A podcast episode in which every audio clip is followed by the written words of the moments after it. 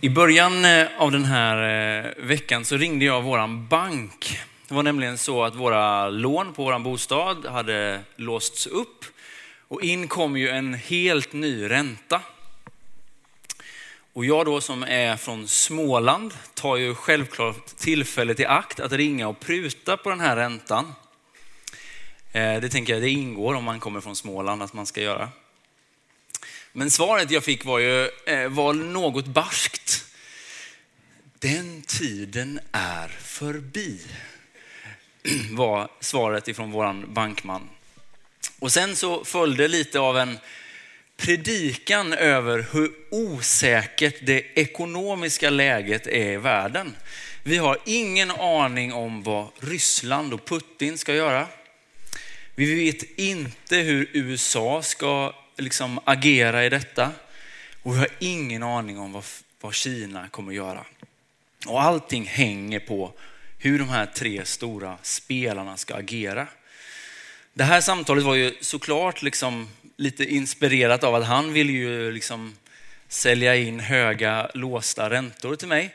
Men han sa någonting som jag tycker var liksom väldigt intressant. Och det var att han talade lite av ett uppvaknande. De senaste 30 åren, sa han, där har vi levt i tron på att allting kommer bli bättre och bättre hela tiden. Marknaden kommer stiga och stiga. Man har haft liksom 1% räntor och man har förlitat sig på detta. Men det är en ny tid nu. Men ett uppvaknande innebär ju att den här tiden som vi har levt i kanske liksom inte är det normala utan det snarare är så att det går in eller går tillbaka till det normala.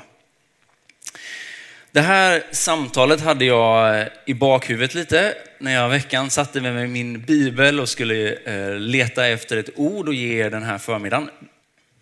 Och då kom jag till Jakobsbrevet kapitel 4. Och jag tror att det här är, kan få vara ett ord till oss. I vers 13 till 15 i Jakobsbrevet kapitel 4 så står det så här.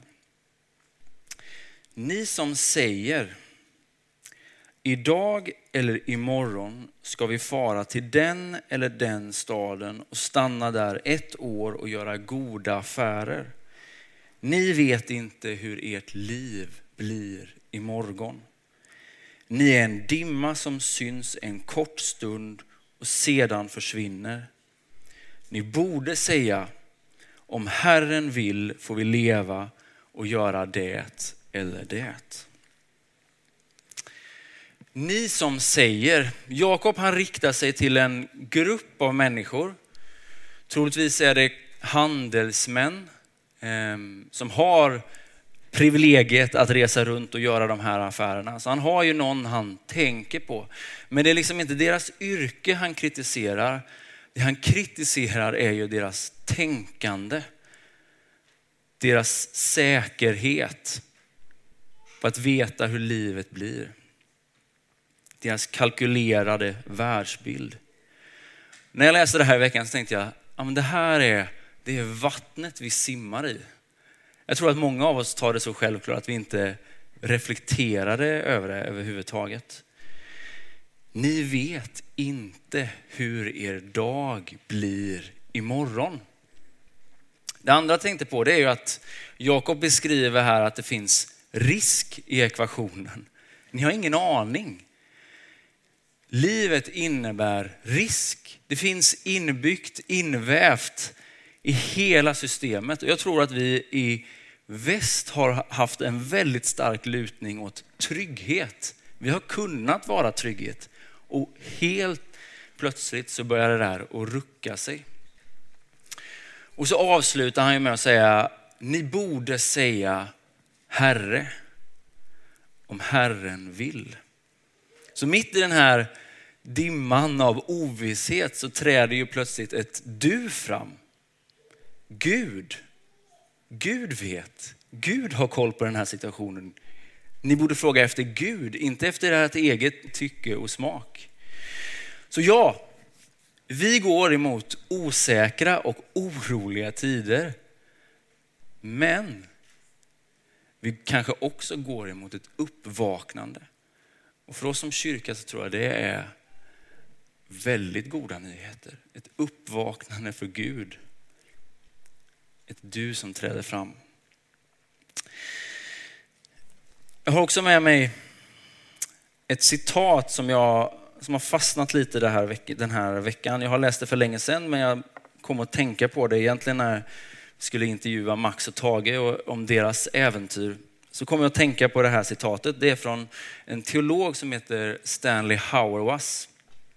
Egentligen är det en rubrik. Han skrev en, eh, en text för en massa år sedan eh, med titeln Kristen tro är inte religion. Det är ett äventyr. När man pratar med människor, eh, olika människor från olika sammanhang så inser man hur vitt skilda liksom, bilder det finns av vad kristen tro är. En del tänker att kristen tro, ja men det är tradition. Ni vet, dop, begravning, vigsel, kanske en julotta där också. Det är traditioner, det är vackert och fint, men det är inte alls säkert att det liksom ger den in i mitt liv. Eh. Det andra som jag tror är väldigt vanligt att man tänker, det är att det handlar om regler. Och att man har ett synsätt att religion, det är ord från auktoriteter som säger hur jag bör leva och är därför hot emot min egen frihet. Ett vanligt sätt att säga det i kyrkan är ju att kristen tro är en relation. Och det tänker jag är helt sant, men det finns nog en liten risk att det där blir lite snävt. Risk att det blir någonting individuellt och något som kanske inte påverkar hela mitt liv. Så jag gillar den här formuleringen. Kristen tro är inte en religion. Det har en del traditioner med sig, absolut. Det finns en del regler. Det är en relation, men det är ett äventyr. Det är någonting som påverkar hela livet. Om man läser lite i Apostlagärningarna så finns det ju en benämning på den första gemenskapen av kristna. De kallas för vägen. Jag tänkte dra två stycken poänger ifrån det. Kristen tro var från början inte en tanke. Det var inte en intellektuell verksamhet. Den förstods inte som det överhuvudtaget. Utan man beskrev det som en väg. Alltså någonting som jag går på och som ger riktning åt hela mitt liv.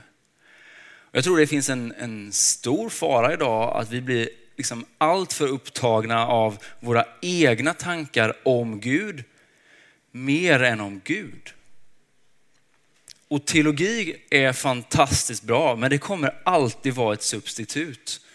För en dag ska vi möta Gud ansikte mot ansikte. Det är bra att ha teologi idag, men en dag så är det Gud. Det är han som är vårt fokus.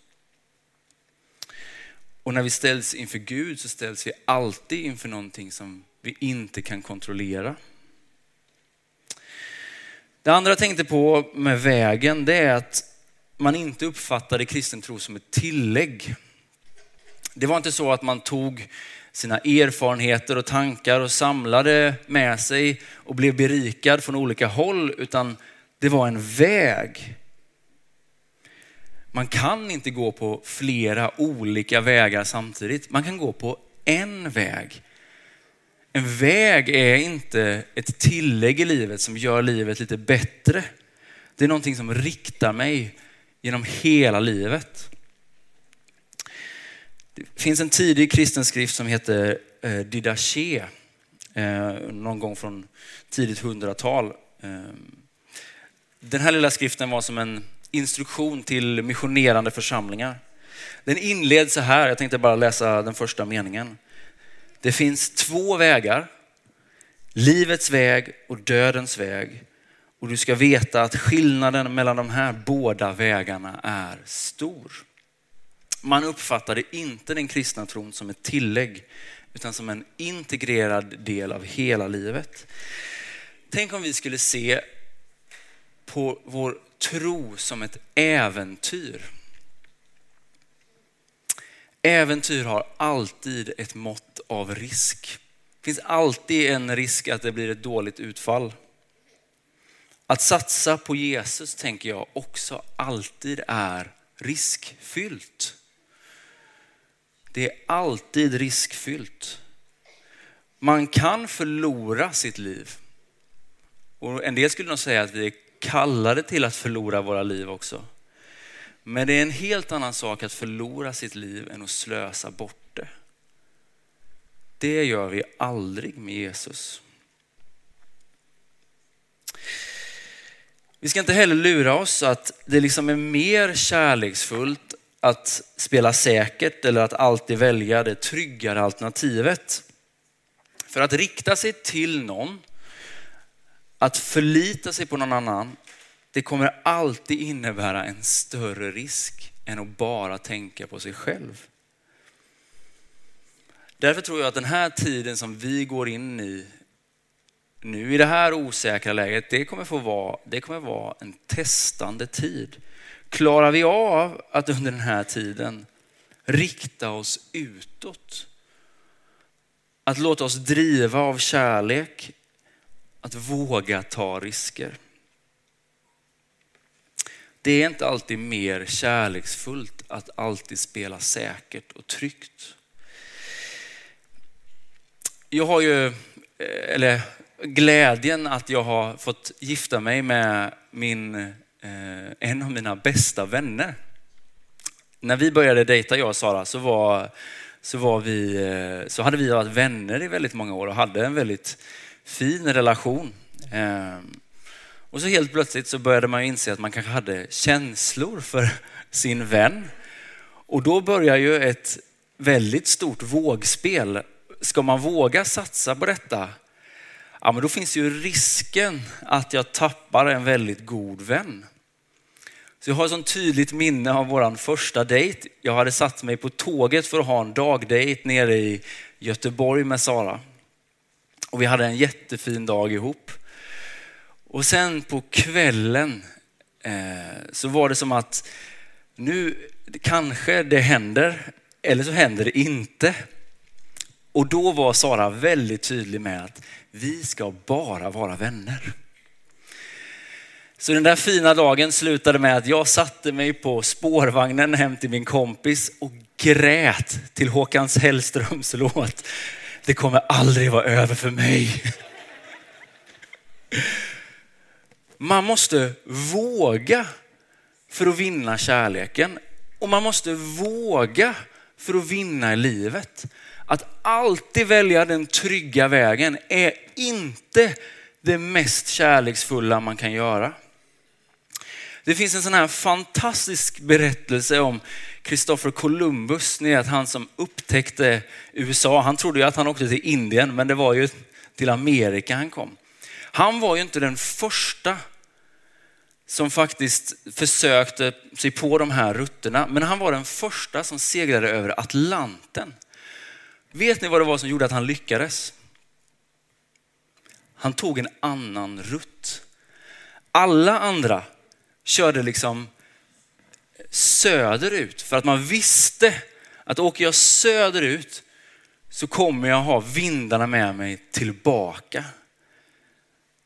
De satsade på det trygga alternativet.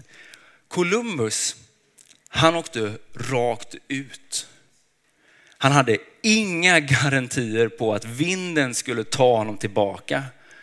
Men han vågade. Och någonstans tänker jag, det är det som Jesus bjuder in oss till. Han bjuder in oss till att våga livet. Kommer det kosta någonting? Ja. Kommer det vara en risk? Ja. Kan du också vinna det här livet? Ja. Det är inte bara en trygghet som vi har tron. Det är en stor utmaning. Jag tror att en av de absolut viktigaste uppgifterna för oss som kyrka, det är att uppmuntra människor till att söka ett heligt liv. Så jag skulle vilja avsluta med några ord om, om detta. För några år sedan så var eh, jag och Sara, precis som Max och Tage, ute på en sån här resa eh, med en organisation. Vi reste med PMU till Sri Lanka. Och en av de de liksom tydligaste skillnaden mellan en, den här asiatiska kulturen vi mötte och den här västkulturen som vi är liksom uppväxta i, det var ju hur man såg på äldre människor. I Asien så är det ju helt självklart att man ser upp till och eh, som hedrar sina äldre i samhället. Det liksom är ju inte lika vanligt. Vi har mer ungdomstänket i väst. Jag säger inte detta som någon... Nu jag förväntade mig några nickar här. Visst är det så? Vi hyllar ungdomen, skönheten, det unga. Men vi är inte alls lika bra på att ta hand om våra äldre. I Asien så lever de äldre med familjen, de har hedersplatsen vid bordet. I Sverige har vi hem. Ni vet, de här skillnaderna finns. Och jag vet att några av er är äldre och kanske önskar nu att ni skulle vara i Asien. Men så här är det. Det är den här kulturen vi finns i. Det här kommer också in i våran teologi. För i väst så har man en tyngdpunkt på starten, på omvändelsen. Det är där vi har gasat och tryckt.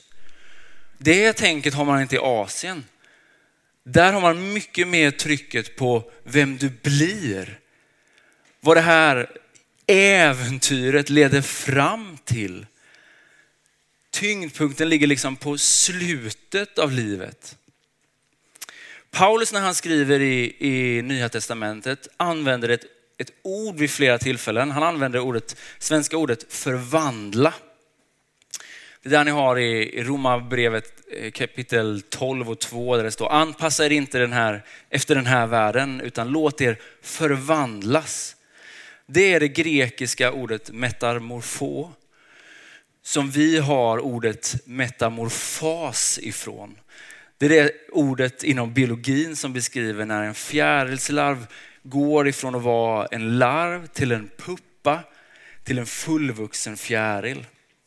Så när Paulus använder det här ordet så är den här typen av radikal förvandling som man vill åt. Det är en radikal förvandling som vi kan få vara med om när vi vandrar med Gud genom hela livet. Det är inte så att man pikar vid 40 och sen så går det bara rakt utför. Ja, men det, är inte, det är inte Bibelns bild. Bibelns bild är mycket mer detta att vi får förvandlas tillsammans med Kristus. Och det tänker jag är så hoppfullt. För det betyder att vi kan förlora vår ekonomi. Vi kan förlora vårt anseende, vi kan förlora vår status om vi någonsin hade någon. Vi kan förlora vår coolhet, vår skönhet och vi kan fortfarande växa. Vi kan fortfarande förvandlas, vårt inre liv kan fortfarande växa. Vi kan få ha våra bästa dagar i livet med Jesus när vi är 70, 80 och 90 år. Det är den typen av förvandling som Paulus vill att vi ska se. Vi talar ju mycket i kyrkan om att alla är syndare, men lite mer sällan om att alla har potentialen att bli helgon eller en helig människa. Men den potentialen finns när du vandrar tillsammans med Jesus. Det är inte ett gärningsverk. Det är ett verk av den heliga ande när vi vandrar tillsammans med honom. När vi låter oss påverkas, förnyas, förvandlas tillsammans med Gud. Jag skulle vilja hoppas att den här predikan har fått uppmuntra dig till nyfikenhet och upptäckarglädje. Livet är ett äventyr. Vår kristna tro är ett äventyr. Jag hoppas att den ska ha utmanat dig att ta en del risker. Att våga satsa tror jag är så viktigt. Och jag hoppas att den väckt lite längtan efter ett heligt liv. Låt oss be. Herre, tack att vi får eh, vandra våra liv tillsammans med dig Herre och att du kallar oss ut på djupare vatten Herre. Herre, det finns inga garantier. Vi vet inte hur morgondagen blir, Herre. Men vi vet att du går med oss, Herre. Genom livets toppar och livets dagar, Herre. Herre, tack för att du kallar på oss, Herre. Du drar oss ut i din kärlek, Herre. Du drar oss ut för att nå nya människor. Du drar oss ut för att nå ut med din kärlek, Herre. Du kallar oss ut, ut och lite bort från oss själva. Från vårt eget fokus och från vår egen egoism, Herre. Tack att du kallar oss ut i frihet, Herre. För ett liv tillsammans med dig är alltid frihet, Herre. Och jag tackar dig Herre att det finns förvandling i ditt namn Jesus. Ibland sker det direkt Herre, men väldigt ofta sker det över ett helt liv Herre. Jag tackar dig att du tar dig an oss Herre. Du vill se den förändringen Herre. Hjälp oss att, att ta den vandringen på allvar Herre. Att inte låta oss falla tillbaka i bekvämlighet eller trygghet Herre. Nej, hjälp oss att inte anpassa oss efter den här världen Herre. Utan att se dina möjligheter. I Jesu namn, Amen.